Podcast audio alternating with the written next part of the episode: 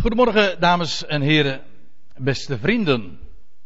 Terwijl velen op vakantie zijn rond deze tijd, gaan wij het vanmorgen ook eens hebben over een echt vakantieeiland. En ik weet dat er zelfs mensen uit ons midden momenteel daar ook zijn, of in ieder geval net geweest zijn op Kreta.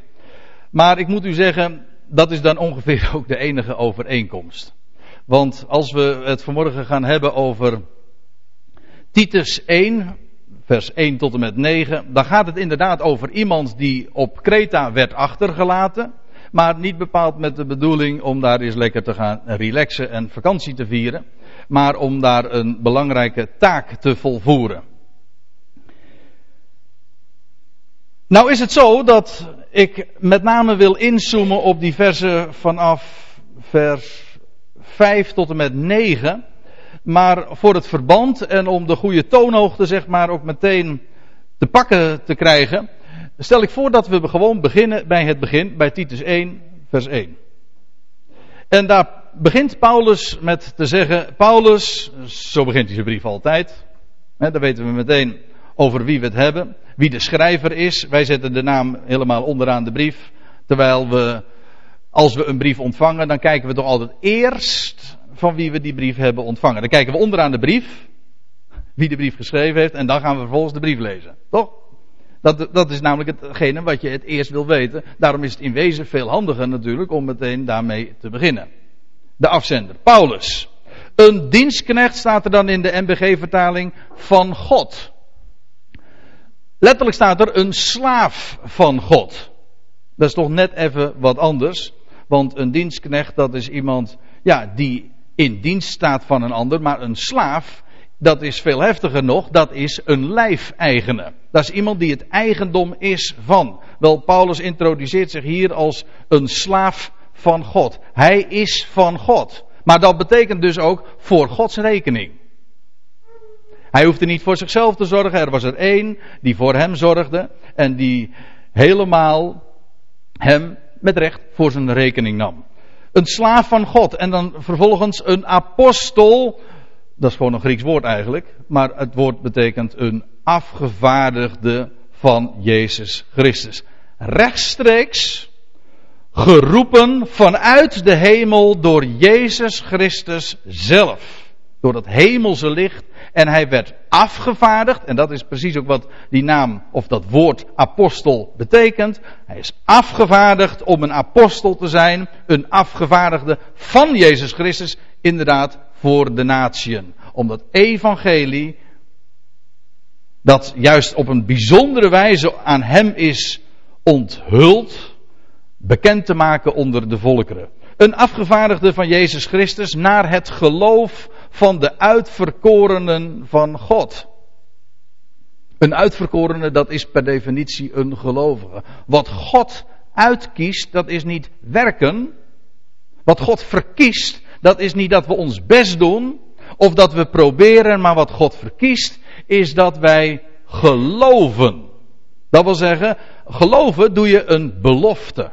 Wel, God belooft. En wat God verkiest, wat God als ik het zo mag zeggen, honoreert, dat is dat een mens inderdaad gelooft. En er is geen groter voorrecht dan inderdaad al je eigen werken te staken. En je vertrouwen te stellen op God. En dat verkiest God. En ja, dan is het ook nog eens een keer waar, maar dat schrijft Paulus dan weer in, in Efeze 1. Valt hij trouwens ook meteen met de deur in huis en dan zegt hij dat wij reeds uit, dat wij uitverkoren zijn van voor de nederwerping der wereld. Toen zag God ons reeds. Er is niets van de mens bij. Dat is namelijk wat daarin opgesloten ligt. Naar het geloof van die uitverkorenen van God. En als wij hier bij elkaar zijn, ja, dan zijn wij, ik ga er even gemakshalve vanuit, gelovigen. Dat wil zeggen, we hebben ons vertrouwen gevestigd op die God. En dan zijn we uitverkoren. Hoef je helemaal niet over te tobben. Hij had het zojuist even over, over uh, kerken waar, waar daar, waar daar altijd, altijd over getopt wordt. Altijd de, maar de vraag gesteld wordt van ben ik een uitverkorene? Wel, in de Bijbel is die vraag een volstrekt onbekende. Degene die gelooft is namelijk uitverkoren. Dat is inderdaad heel selectief hoor. Dat wil zeggen, niet iedereen is uitverkoren op dit moment.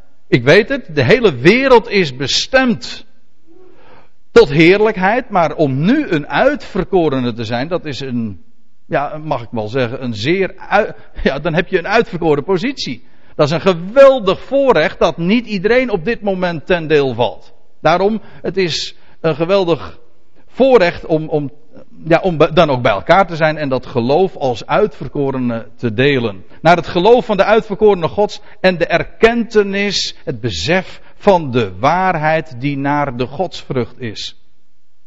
Dat woord godsvrucht, dat moet altijd even toegelicht worden, want dat wekt associaties op in onze taal die het niet heeft in de taal waarin Paulus dit optekende, in het Grieks.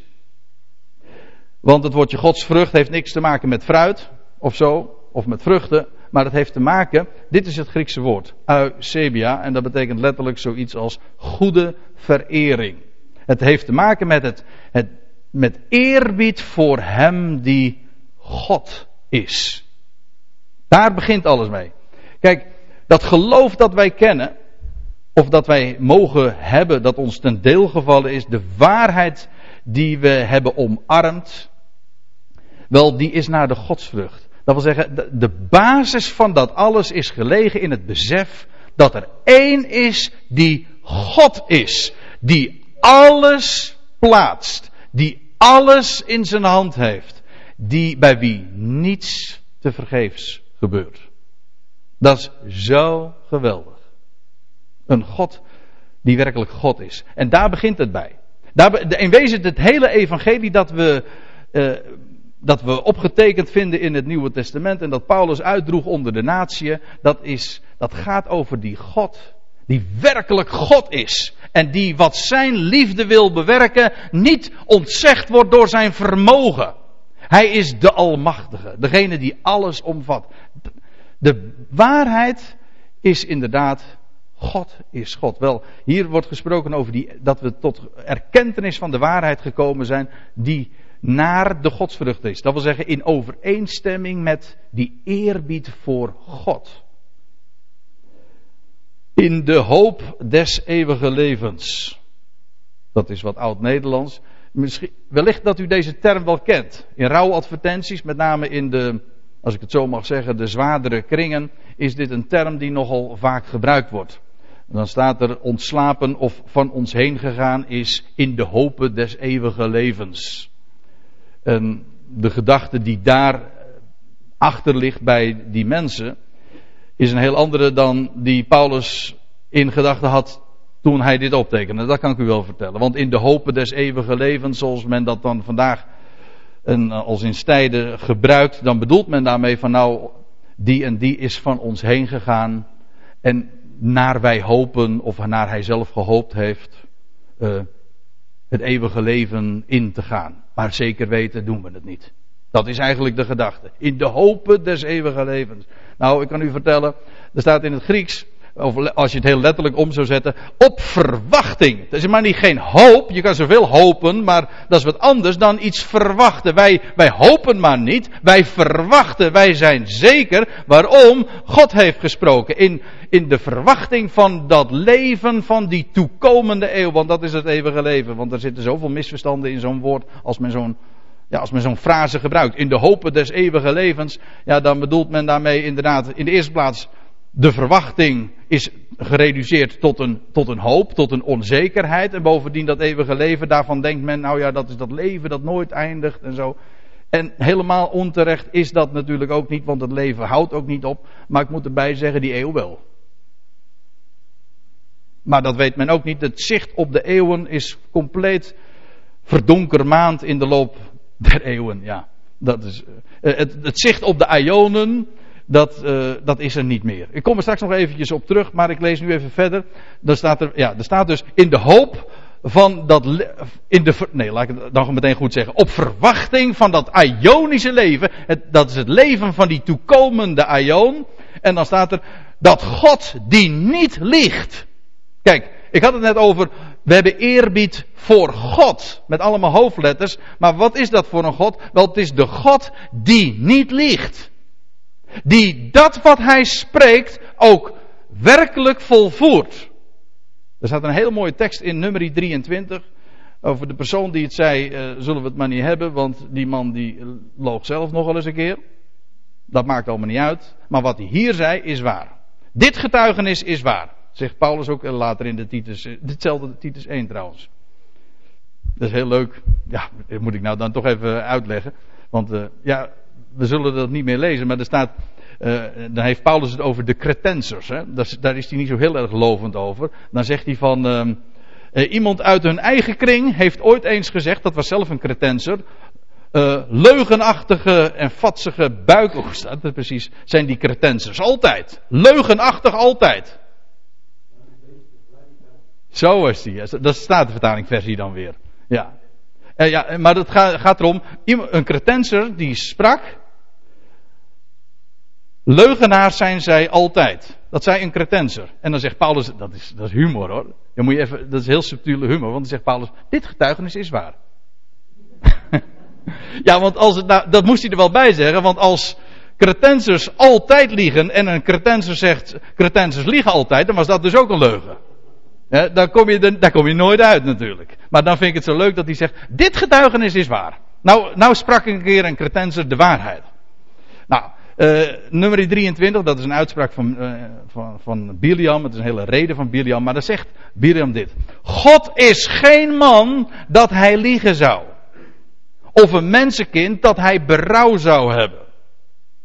En als het al eens een keer in de Bijbel gezegd wordt van God die berouw heeft, dan is dat een heel ander verhaal. Dan is dat een, een mensvormige manier van spreken. Niet omdat hij spijt zou hebben, zoals een mens spijt heeft, maar omdat hij verdriet heeft. Maar goed, daar zullen we het verder niet over hebben. Hier zegt, eh, hier zegt Biliam het precies zoals het is. God is geen man dat hij liegen zou, of een mensenkind dat hij berouw zou hebben. Zou hij zeggen en niet doen? Of spreken en het niet volbrengen? En dat is een retorische vraag. Het antwoord is nee. Want God is namelijk een, de waarachtige God. De God die spreekt en het is de waarheid. En dat is wat Paulus hier ook zegt. Als hij het heeft over die verwachting van dat, dat Ionische leven, wel dan zegt hij, het is een verwachting die gebaseerd is op het woord van de God die niet liegt. Dat God die niet liegt, ja dat is leuk. Want nou komen we dan toch nog even over die, die eeuwen te spreken. Want moet je opletten, wat hier staat. Het is heel schokkend voor mensen die een bepaald concept hebben over eeuwigheid. Eeuwigheid, dat is de tijd die geen begin heeft en geen einde. En dus eigenlijk geen tijd is. Maar moet je opletten wat er hier staat. Zelfs in de vertalingen konden hier niks anders van bakken. Dus hier moet, ik denk wel eens een keertje, een, een vertaling kan niet zo beroerd zijn of de waarheid, die dringt toch bij gelegenheid altijd wel eens een keertje door. En dat is hier zo'n frappant voorbeeld. In, als, als Paulus dan schrijft dat God die niet liegt, voor eeuwige tijden beloofd heeft. En dit is echt een, een puzzelstuk voor, voor velen. Die begrijpen dit niet. Of ze redeneren dit weg. Of ze negeren het gewoon. Dat is nog de allerbeste manier natuurlijk als je het hebt over moeilijke vragen. Maar er wordt hier gesproken over voor eeuwige tijden. Men zegt, ja, eeuwen, men spreekt over tijd en eeuwigheid. De Bijbel doet dat niet. De Bijbel spreekt over eeuwige tijden. Men zegt, ja, dat, dat, is, de, dat is de eeuwigheid, dat, dat heeft geen begin. Hier wordt gesproken over voor eeuwige tijden. De beginloze eeuwigheid. Sorry mensen, als u andere ideeën of concepten daarover hebt, maar de Bijbel kent het niet. Misschien uw vertaling soms wel, maar hier staat het exact zoals het is. Ionische tijden. Tijd staat niet tegenover eeuwigheid. En er wordt niet, over een beginloze eeuwigheid, dat kent de Bijbel niet. Er wordt hier gesproken over voor eeuwige tijden. Een, en daarboven, dat betekent niet alleen maar dat die eeuwige tijden ooit een aanvang hebben gehad, maar het betekent tevens dat een eeuwige tijd een einde heeft. Er wordt gesproken over voor eeuwige tijden, maar eeuwige tijden. Dat betekent dus dat een eeuwige tijd weer opgevolgd wordt door een andere eeuwige tijd. Vandaar ook dat sommige vertalingen dit weergeven met de tijden der eeuwen. En in de praktijk is dat ongeveer hetzelfde. Maar begrijpt u, er wordt hier, hier, hier wordt gewoon een bom onder een hele theologie van een eindeloze eeuwigheid gelegd. Als hier gezegd, gesproken wordt over de God die niet liegt, Wel, hij heeft dit reeds beloofd voor eeuwige tijden. Die tijden, die, die, die eeuwige tijden, die volgen elkaar op. En de Bijbel spreekt over Ionische tijden.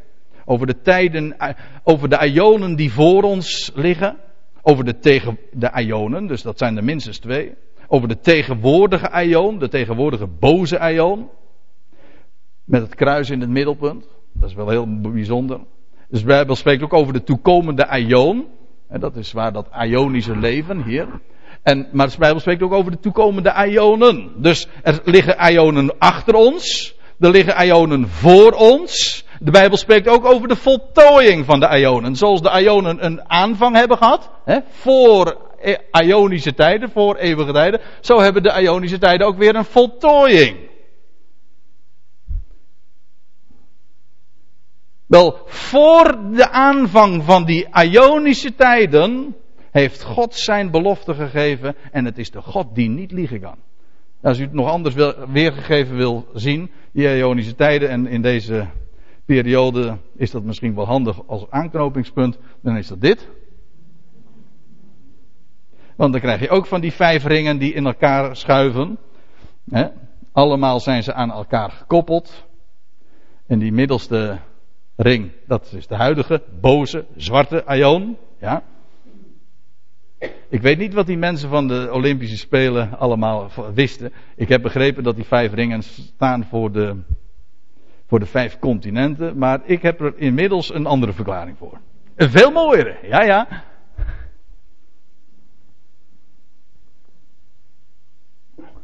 Maar waar het om gaat, die eeuwige tijden hebben een begin en een einde.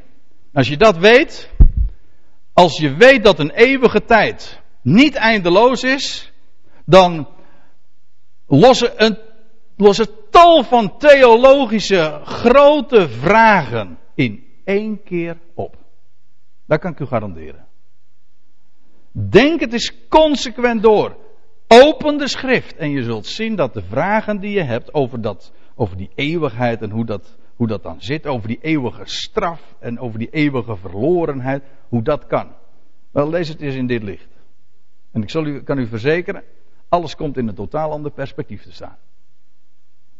Goed, we lezen verder, want het is, het is allemaal nog een beetje inleiding. We moeten naar vers 5 natuurlijk toe.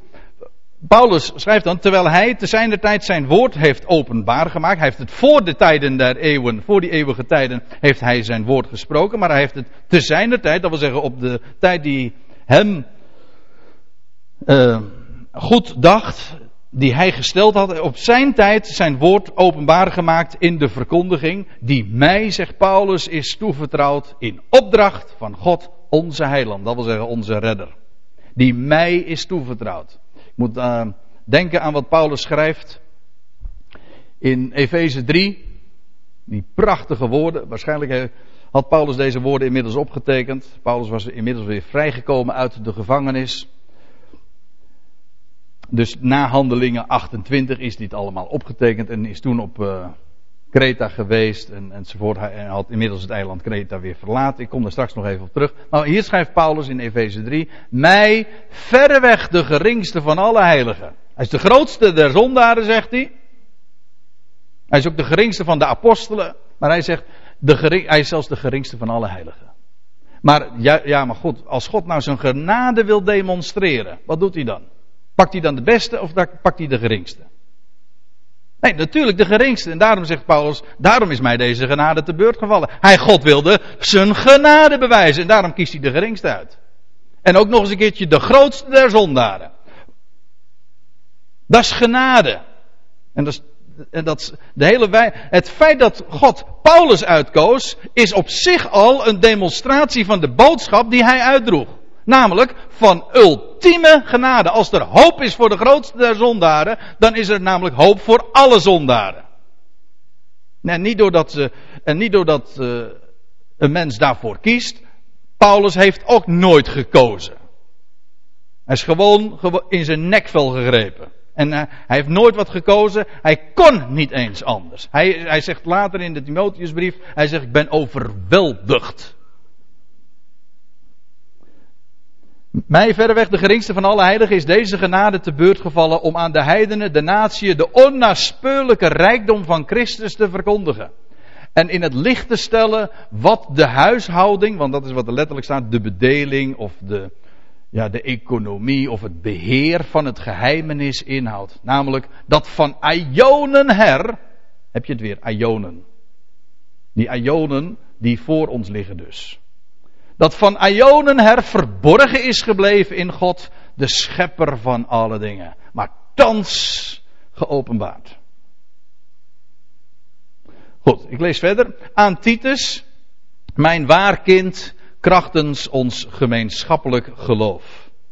Genade zij u en vrede van God, de Vader, en van Christus Jezus, onze heiland, onze redder. Wel, had Paulus zich in het begin geïntroduceerd als de afzender, Paulus. Hier zegt hij wie de geadresseerde is, aan Titus. En hij noemt hem zo mooi, zo intiem, mijn waar kind, krachtens ons gemeenschappelijk geloof. Niet alleen maar een kind in de zin van dat hij Titus was geestelijk verwekt door Paulus. Dat zeggen, hij was tot geloof gekomen door het woord dat middels Paulus gesproken is. Maar Paulus zegt, hij is ook mijn waarkind. Een waarkind. We, we deelden niet alleen maar dat geloof gemeenschappelijk, maar dat doen we nog steeds.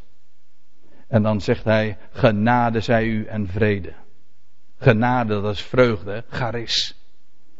Genade en vrede. Van God. Je zou het altijd, ik, ik, ik zelf heb sterk ook uh, die neiging om steeds meer, uh, ook als ik uh, iets schrijf, en ik schrijf het woordje God op, en dat bedoel ik helemaal niet als een wetmatigheid, maar ik, om dat met hoofdletters op te schrijven. Om je goed te realiseren, je hebt het maar niet over een God zoals de, zoals de religies daarover spreken. Ook niet zoals in het christendom daarover gesproken wordt. Maar God die werkelijk God is. Degene is die alles plaatst. Ook al begrijp je er helemaal niks van. En soms denk je inderdaad wel eens een keertje van waarom gebeuren dingen. Daar snap je soms helemaal niks van. Nou, hij vertelde zojuist ook al dat, dat, ik, eh, dat wij van de week daar ook eh, heel erg mee te maken hebben gehad in verband met mijn vader. En dan drie keer achter elkaar dan een, een bloeding krijgt en geopereerd moet worden. En dan zie je zo'n hoopje ellende in bed liggen met allemaal slangetjes enzovoort. En, dan, en vlak voordat we hier naartoe gingen hoorden we, nou er was weer een bloeding. Dan denk je van waarom? Waarom? Heb je, heb je geen idee van. Dat is, moet je ook niet willen. Ik vind het is één ding is voldoende en dat is te weten er is één God. Van wie we geen snars begrijpen, maar het is God. En hij heeft alles in handen en bij hem is het in goede handen. Kijk, als je dat weet, als je weet, onze God is een vader.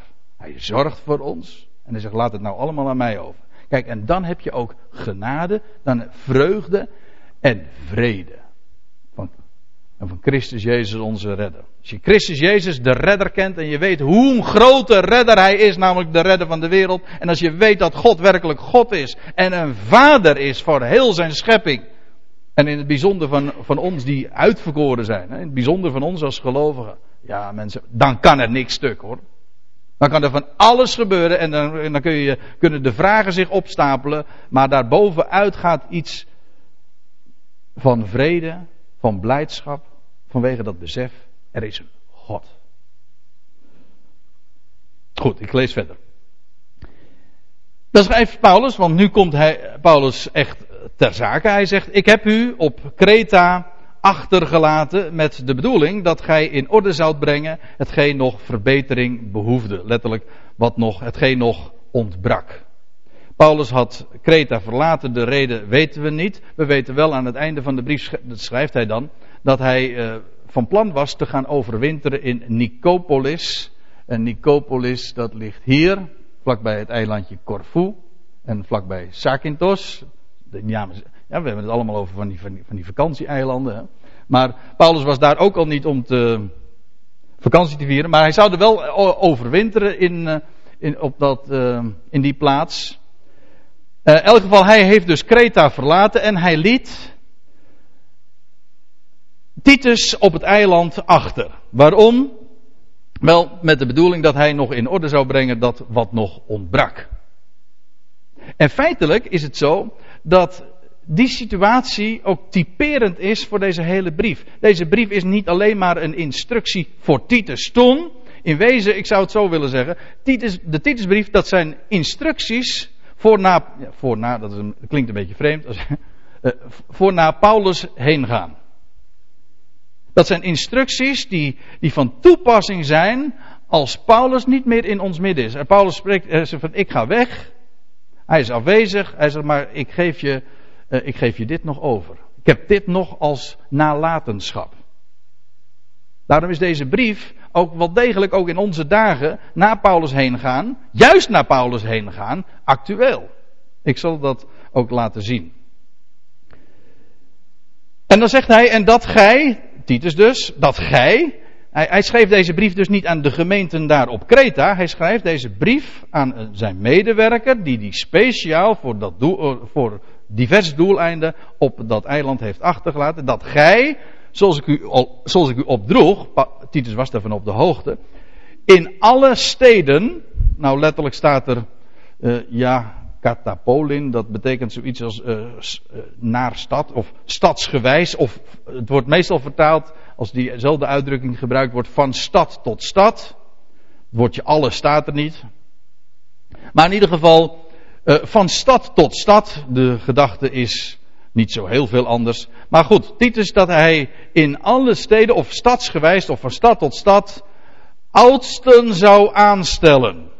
Oudsten. Weet u wat het Griekse woord daarvoor is? Dat kennen we wel. Dat is dit. Presbyteros. En u hebt ongetwijfeld wel eens gehoord van het woordje presbyter. Presbyters. Je hebt ook de presbyteriaanse kerken. Maar presbyter, dat is gewoon het Griekse woord voor ouderen. Dat is trouwens helemaal geen ambtelijk begrip hoor. Van de, het, het, zegt, het zegt zelfs helemaal niks over leeftijd, weet je dat? In principe zegt het niks over leeftijd. Je leest van die oudste, van de oudste zoon, van de, eh, weet, je wel, die vader en die met die twee zonen, de gelijkenis van de verloren zoon, u weet wel. Dan lees je ook van de oudste zoon, toen die dat feestgedruis enzovoort hoorde, dat, dan staat er ook dat woordje presbyter. Hetzelfde woord. Was hij oud? Nee, maar hij had een jongere broer. Boas, mijn zoontje, is de presbyter van zijn broer. Dat is namelijk gewoon een oudere. Ja, Boas, dan ben toch weer even bij de les, hè?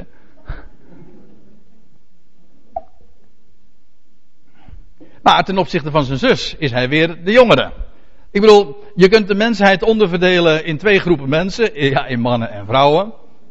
Maar je kunt ze ook onderverdelen in ouderen en jongeren. En ik hoor toevallig bij de jongeren. Hè? Net als uh, tegen Frederiks. Ja, waar die scheids... Kijk, bij mannen en vrouwen is die scheidslijn heel makkelijk te leggen. Uh, te trekken. Maar bij uh, jongeren en ouderen heel wat lastiger. Dat is een hele flexibele, relatieve scheidslijn. Het is maar vanuit welk standpunt je kijkt als je 47 bent, ben je dan een oudere of ben je dan een jongere? Ja, het hangt er maar vanaf aan wie het vraagt. Hè? Jij moet je mond houden, Anke. Goed. Dat is dus wat het woordje presbyter betekent. Een oudere. En daar moet ik er trouwens nog bij zeggen. Bij ons, ja ik bedoel in de, in de kerkelijke praktijk is een oudste een ambtelijk begrip geworden. Blijkt ook nog een beetje uit de, de wijze waarop het weergegeven wordt. Ik heb het tussen haakjes gezet. Want het staat er namelijk helemaal niet. Als oudste. Het is niet zo dat Titus op Kreta achtergelaten wordt om als oudsten aan te gaan stellen. Alsof hij oudsten moest, eh, eh, alsof hij mensen tot oudsten moest stellen, zodat ze oudste werden, gekozen werden tot oudste. Dat is geen Bijbels spraakgebruik. Een oudere, een oudste is geen ambt, een oudere ben je gewoon. Dat, is, dat word je niet door aanstelling. Je bent een ouder of je bent het niet. Nee, wat Titus moest doen daar op Kreta, hij moest ouderen aanstellen. Ja, niet iedereen, niet alle ouderen, maar gewoon ouderen die aan een bepaald profiel voldeden. En de, en de schets daarvan vinden we dan in de navolgende versen. Maar hij moest ouderen aanstellen. Een oudere, een oudste is dus geen ambt. Het ambt van oudste kent de Bijbel dus niet. Het waren ouderen. Niet meer, laten we in ieder geval zeggen, het waren niet meer de jongsten. Blijkt trouwens ook wel uit de profiel die vervolgens nog gegeven wordt, de profielschets. Maar wat het ambt is, dat is wat we straks zullen zien, het ambt tussen aanhalingstekens, uh, dat is de, het opzienerschap. Dat zegt iets over de functie. Maar een ouder zelf is geen ambt. Goed, dat, we, we lazen dus uh, dat, dat Titus dus daar op, op Kreta wordt achtergelaten om ouderen aan te, dat die ouderen zou aanstellen, presbyters aan zou stellen. Mannen, ja, mannen, sorry dames, maar dat zo. Het is eigenlijk zo, als ik, zal ik het even heel vrouwvriendelijk zeggen. Op vrouwen rust niet deze zware taak. Die wordt gegeven aan de mannen. mannen vrouwen zijn daarvan vrijgesteld. Waarom nou de man dan gediscrimineerd wordt, weet ik niet. Laten we het, laten we het zo eens een keertje benaderen. Maar eh, mannen, ja. Als je, als je eenmaal weet trouwens hoe dat zit met mannelijk en vrouwelijk en waar het een type van is, van schepper en schepping, dan, dan vraag je, stel je nooit meer die vraag. Uh, dat geldt in het algemeen van gezag. Zelfs als je in de Bijbel leest dat van vrouwen die een gezagsfunctie vervulden, dat, le dat lees je in de Bijbel bij uitzondering, dat kan best. Ik bedoel dat helemaal niet wetmatig, maar zelfs als je dat leest van een figuur als Deborah bijvoorbeeld, dan nog, het blijft een mannelijke functie. Nou, daar gaan we het nu verder eh, niet over hebben. Dat is, dat is, een onderwerp op zich, om dat is, om dat is te, te, te bespreken. Maar in ieder geval mannen, dat wordt, daar wordt hier, wordt hier niet eens uitgelegd, wordt hier gewoon ver voorondersteld. Mannen die onberispelijk zijn. Dan denk je, god, wat zijn dat ver... Daar moet je toch niet aan denken, hè? mensen die, die foutloos zijn. Wat moeten dat toch saaie mensen zijn, denk je dan. Maar het staat er ook niet hoor. Het, het Griekse woord is niet in staat van beschuldiging. Nee, en dat begrijp je. Als, als, als Titus daar op Kreta wordt achtergelaten om in, de, om in elke plaats of in stadsgewijs of per stad uh, ouderen aan te gaan stellen, ja, dan moesten ze in ieder geval natuurlijk niet in staat van beschuldiging zijn. En dat is wat het woord betekent. Later komt die term trouwens nog een keertje terug één vrouw hebben, eh, is dat een minimum of een maximum? Als het een minimum is, is het niet zo best voor deze mensen. Dan ziet u allemaal uh, episco, uh, ja, bisschoppen. Dat, komt af, dat is afgeleid van het woordje episcopos. Daar komen we straks nog tegen als opziener. Dit is allemaal bisschoppen, even van die Sinterklaasen. Zijn, als je daar eenmaal een beetje afstand van genomen hebt. en moet nou uitkijken om daar niet al te lachwekkend over te doen. Want voor zulke mensen is dat een hele serieuze zaak. Maar dan ga je dat al gauw zien als. Ja, daar prik je doorheen als, als verkleedpartijen natuurlijk. Hè.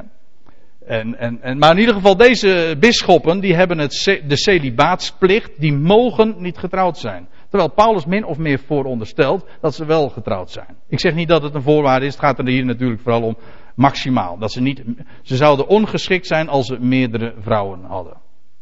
Laten we daar eventjes gemakshalve op houden.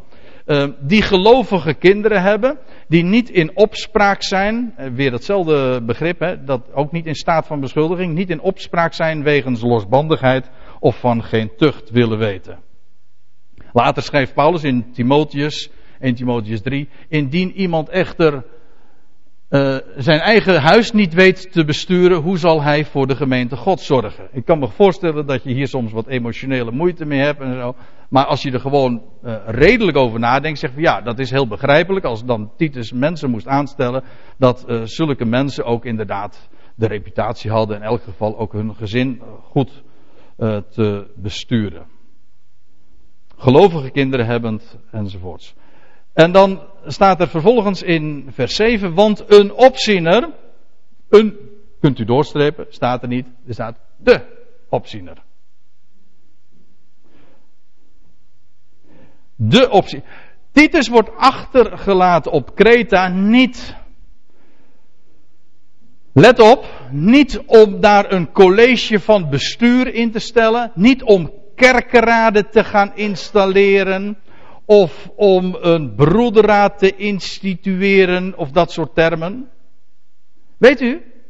En ja, ik weet niet hoe, wat uw achtergronden zijn en wat uw meningen en opinies zijn, maar we, doen bijbelstudie. Ik stel gewoon vast, het hele begrip kerkenraad of broederraad, hangt er vanaf, als u, als u eh, in, de, in de protestantse kerk uh, daar uw wortels liggen, dan, dan heb je het over de kerkenraad. Als je in, eh, in de evangelische segmenten komt, dan is er meestal sprake over een, een broederraad.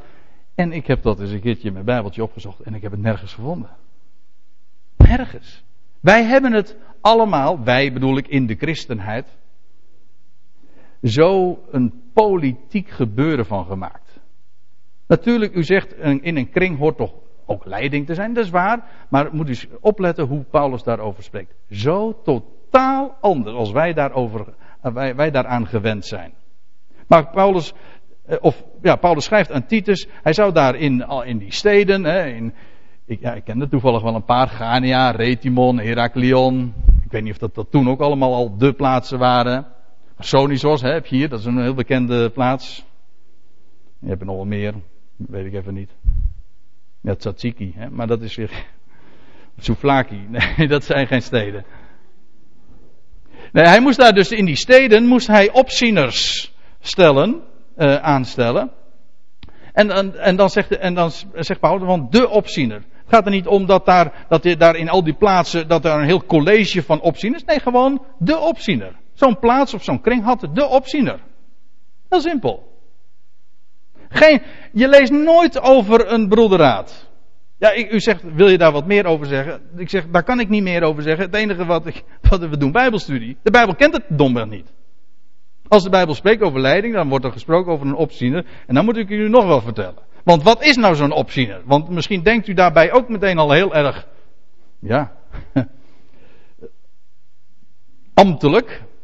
Ik heb op zich niet zoveel moeite met het woord ambt. Dat is maar net hoe je het weergeeft. Maar laten we het eens eventjes daarop inzoomen. Want de opziener. Het Griekse woord is episkopos. En dat epi, dat betekent op. En dat scopos, de scopus, dat kennen we ook wel, dat betekent ziener. Op, dus eigenlijk opzien. Opziener is dus een hele letterlijke weergave van het woordje episkopos. Dat, daar is niks op aan te merken.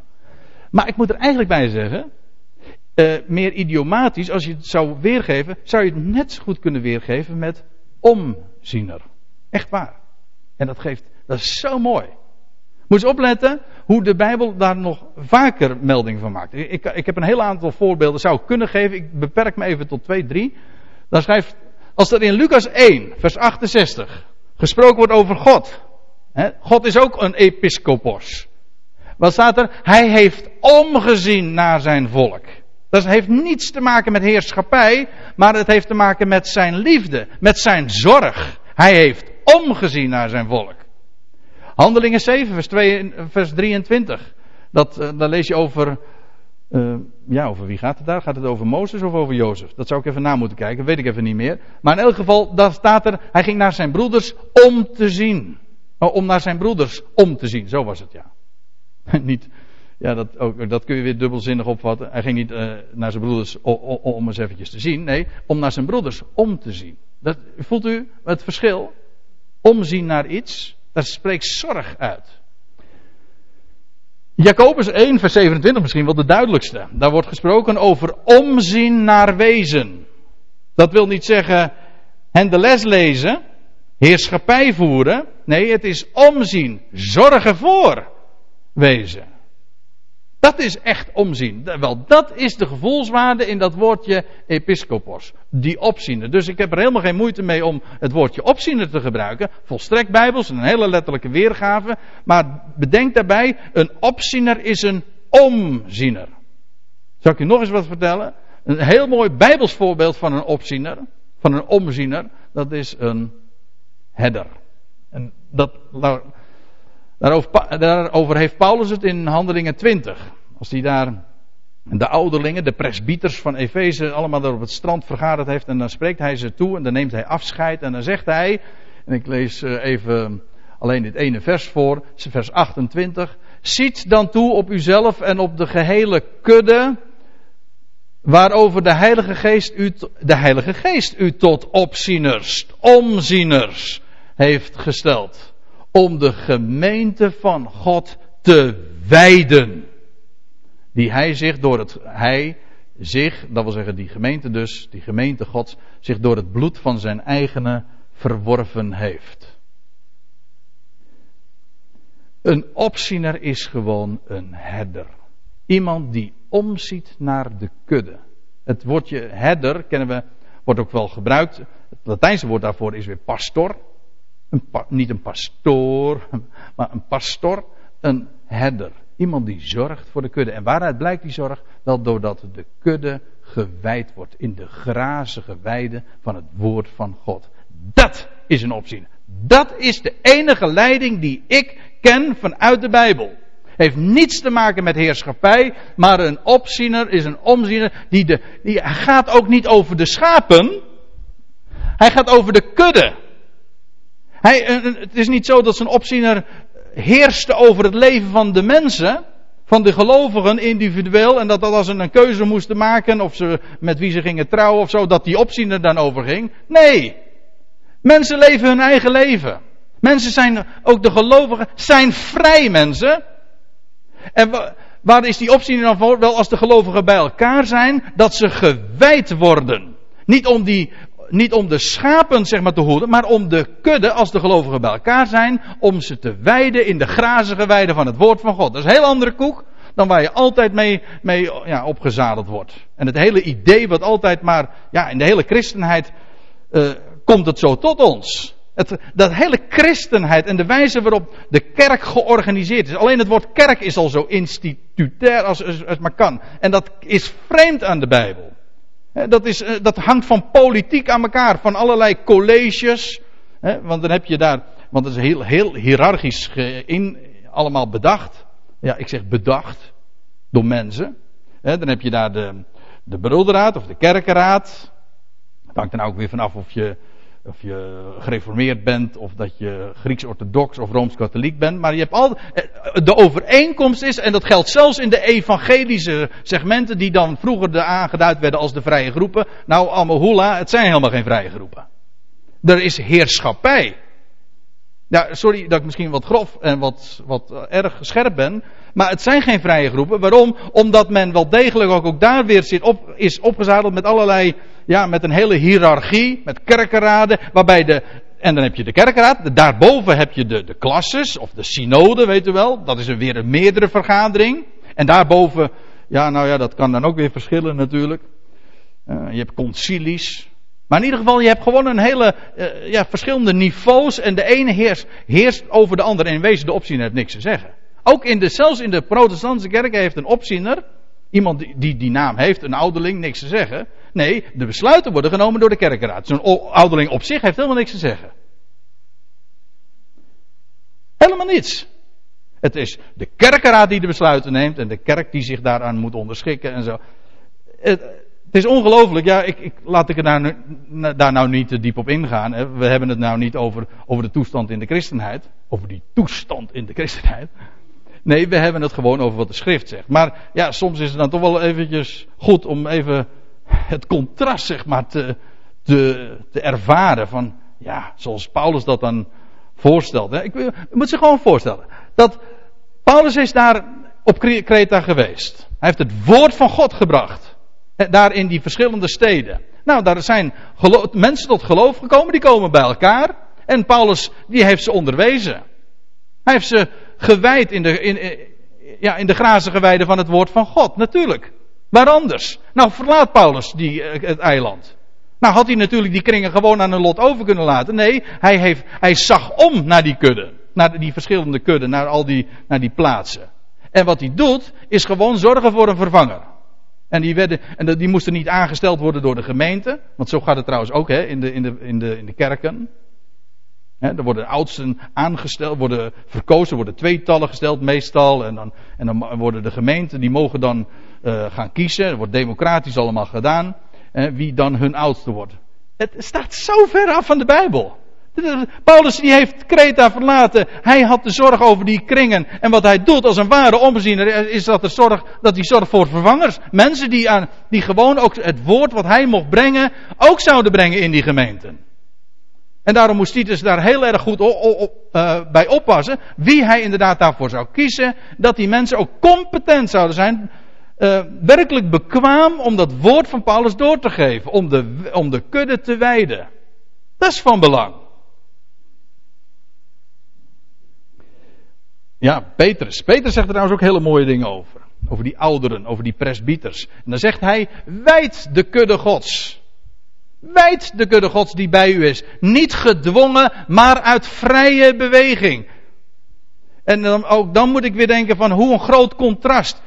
Ik zal je vertellen, er zijn zoveel mensen die in het kerkelijk leven, in welk segment dan ook meedraaien, maar die zijn helemaal niet vrij.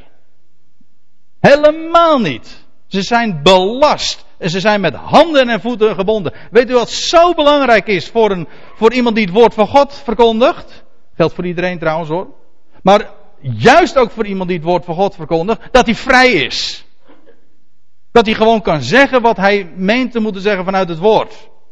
En dat hij niet onderworpen is aan menselijke instanties. Aan een broederraad of hoe dat ook maar heten mag. Wijd de kudde gods die bij u is, niet gedwongen, maar uit vrije beweging. Naar de wil van God. Ik heb expres een streepje boven God. Naar de wil van God, niet van mensen.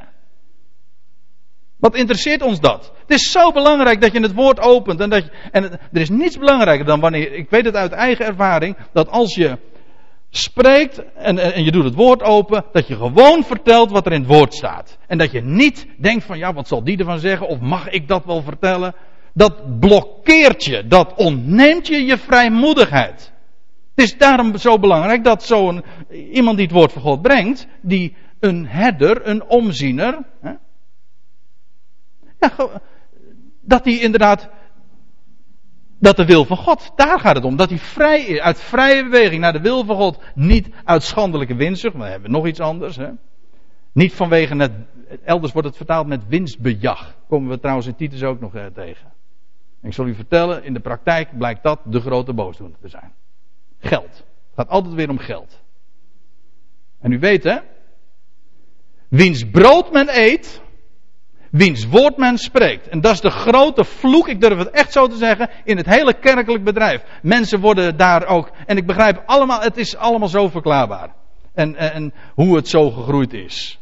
je kan zeggen van ja, maar goed, een, een, een arbeider is toch zo loonwaardig, ja. En weet je wat je dan krijgt? Dan word je een huurling. Word je in wezen ingehuurd door een gemeente of een kerk, hoe het maar heten mag.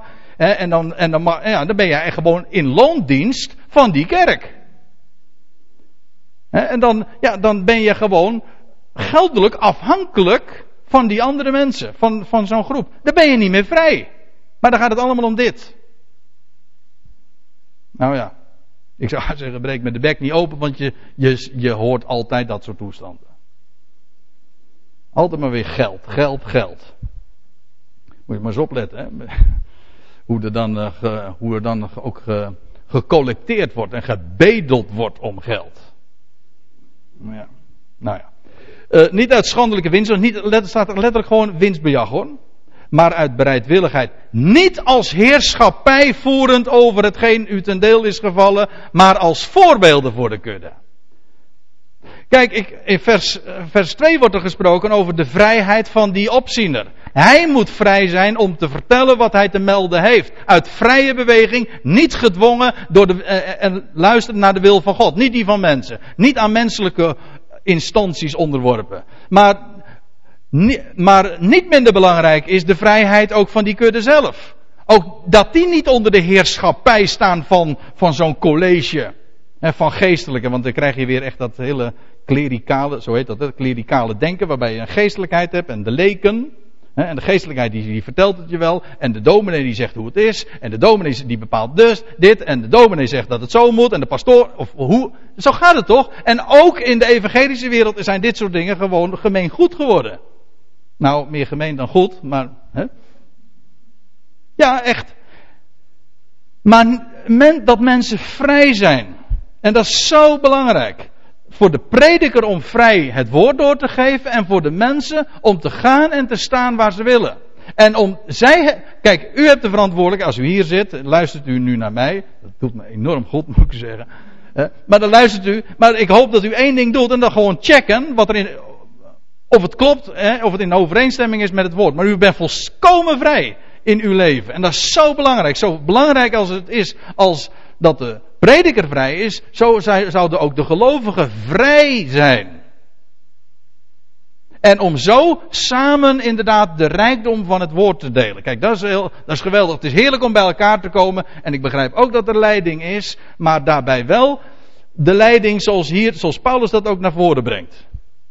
Gewoon van een herder, van een opziener die het woord brengt en wijdt. En de kudde die vrij is. Niet onder de heerschappij. Ja, dat is nog eventjes. die opziener. Hè? Dat is, u ziet daar zo'n mannetje die uh, zo'n streepjespak, gevangen, een gevangene. Ik, ik, moet er, ik moet er meteen aan denken. Vroeger in onze kerk.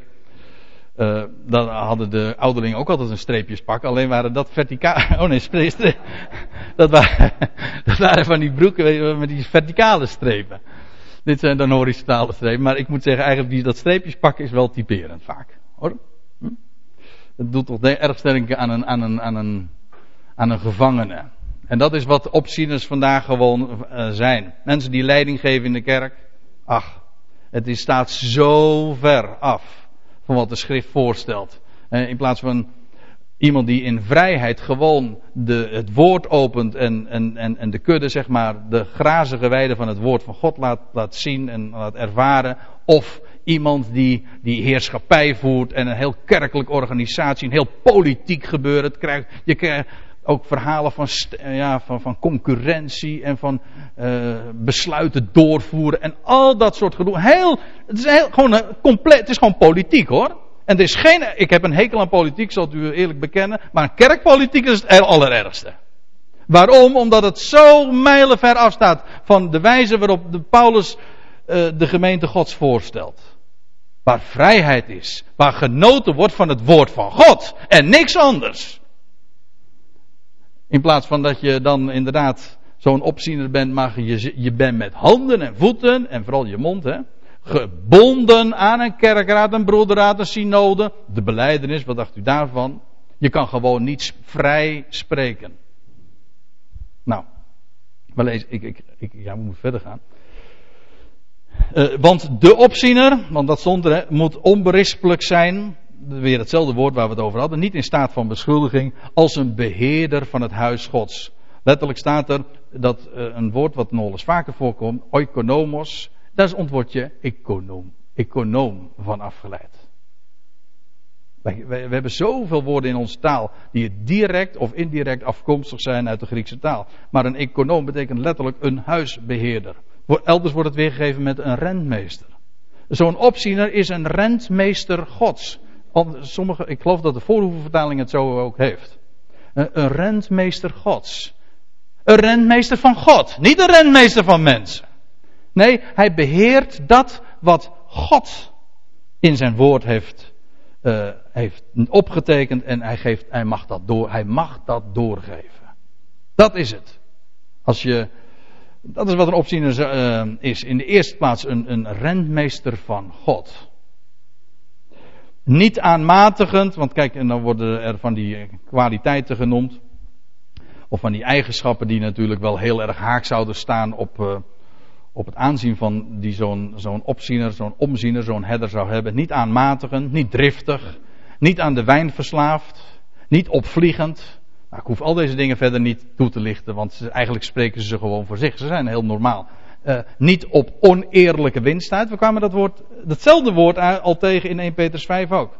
Oneerlijke winst uh, is een wat uh, niet helemaal goede weergave. Letterlijk staat er gewoon winstbejag. Zo wordt, zo wordt het trouwens elders ook weer vertaald. Ook dit is weer zo'n typisch voorbeeld van een woord, een Grieks woord, dat weer zo discordant, zo op verschillende manieren is weergegeven. Kijk, oneerlijke winst zou suggereren van dat hij fraudeert. Maar dan gaat, het gaat er niet om dat hij, dat die opziener niet, niet zou frauderen. Dat sowieso niet. Maar dat het helemaal niet om winst of om kapitaal gaat. Of om geld. Natuurlijk, ik, u kunt zeggen van ja, maar goed, geld speelt toch altijd een rol. Dingen kosten geld en dan moet toch vergoeding. Oké, maar zodra geld een rol gaat spelen, kijk dan uit. dat, is al, dat is echt zo. Ja, ik, ik, geef toe, er wordt straks ook gecollecteerd, daarom zei ik al, geld is er soms, maar het gaat dan puur om de kostendekking, meer niet. Zodra, geld, zodra dit een rol gaat spelen, kapitaal, zodra je dan de dollartekens of de eurotekens zeg maar in de ogen van die, van die prediker ziet, hè, Ja, dan zit het niet goed. Het is winstbejag. Het is, dus, het is, nog, het is meer, of nog iets anders dan oneerlijke winst. Het kapitaal of geld zou geen rol spelen. Dat is het.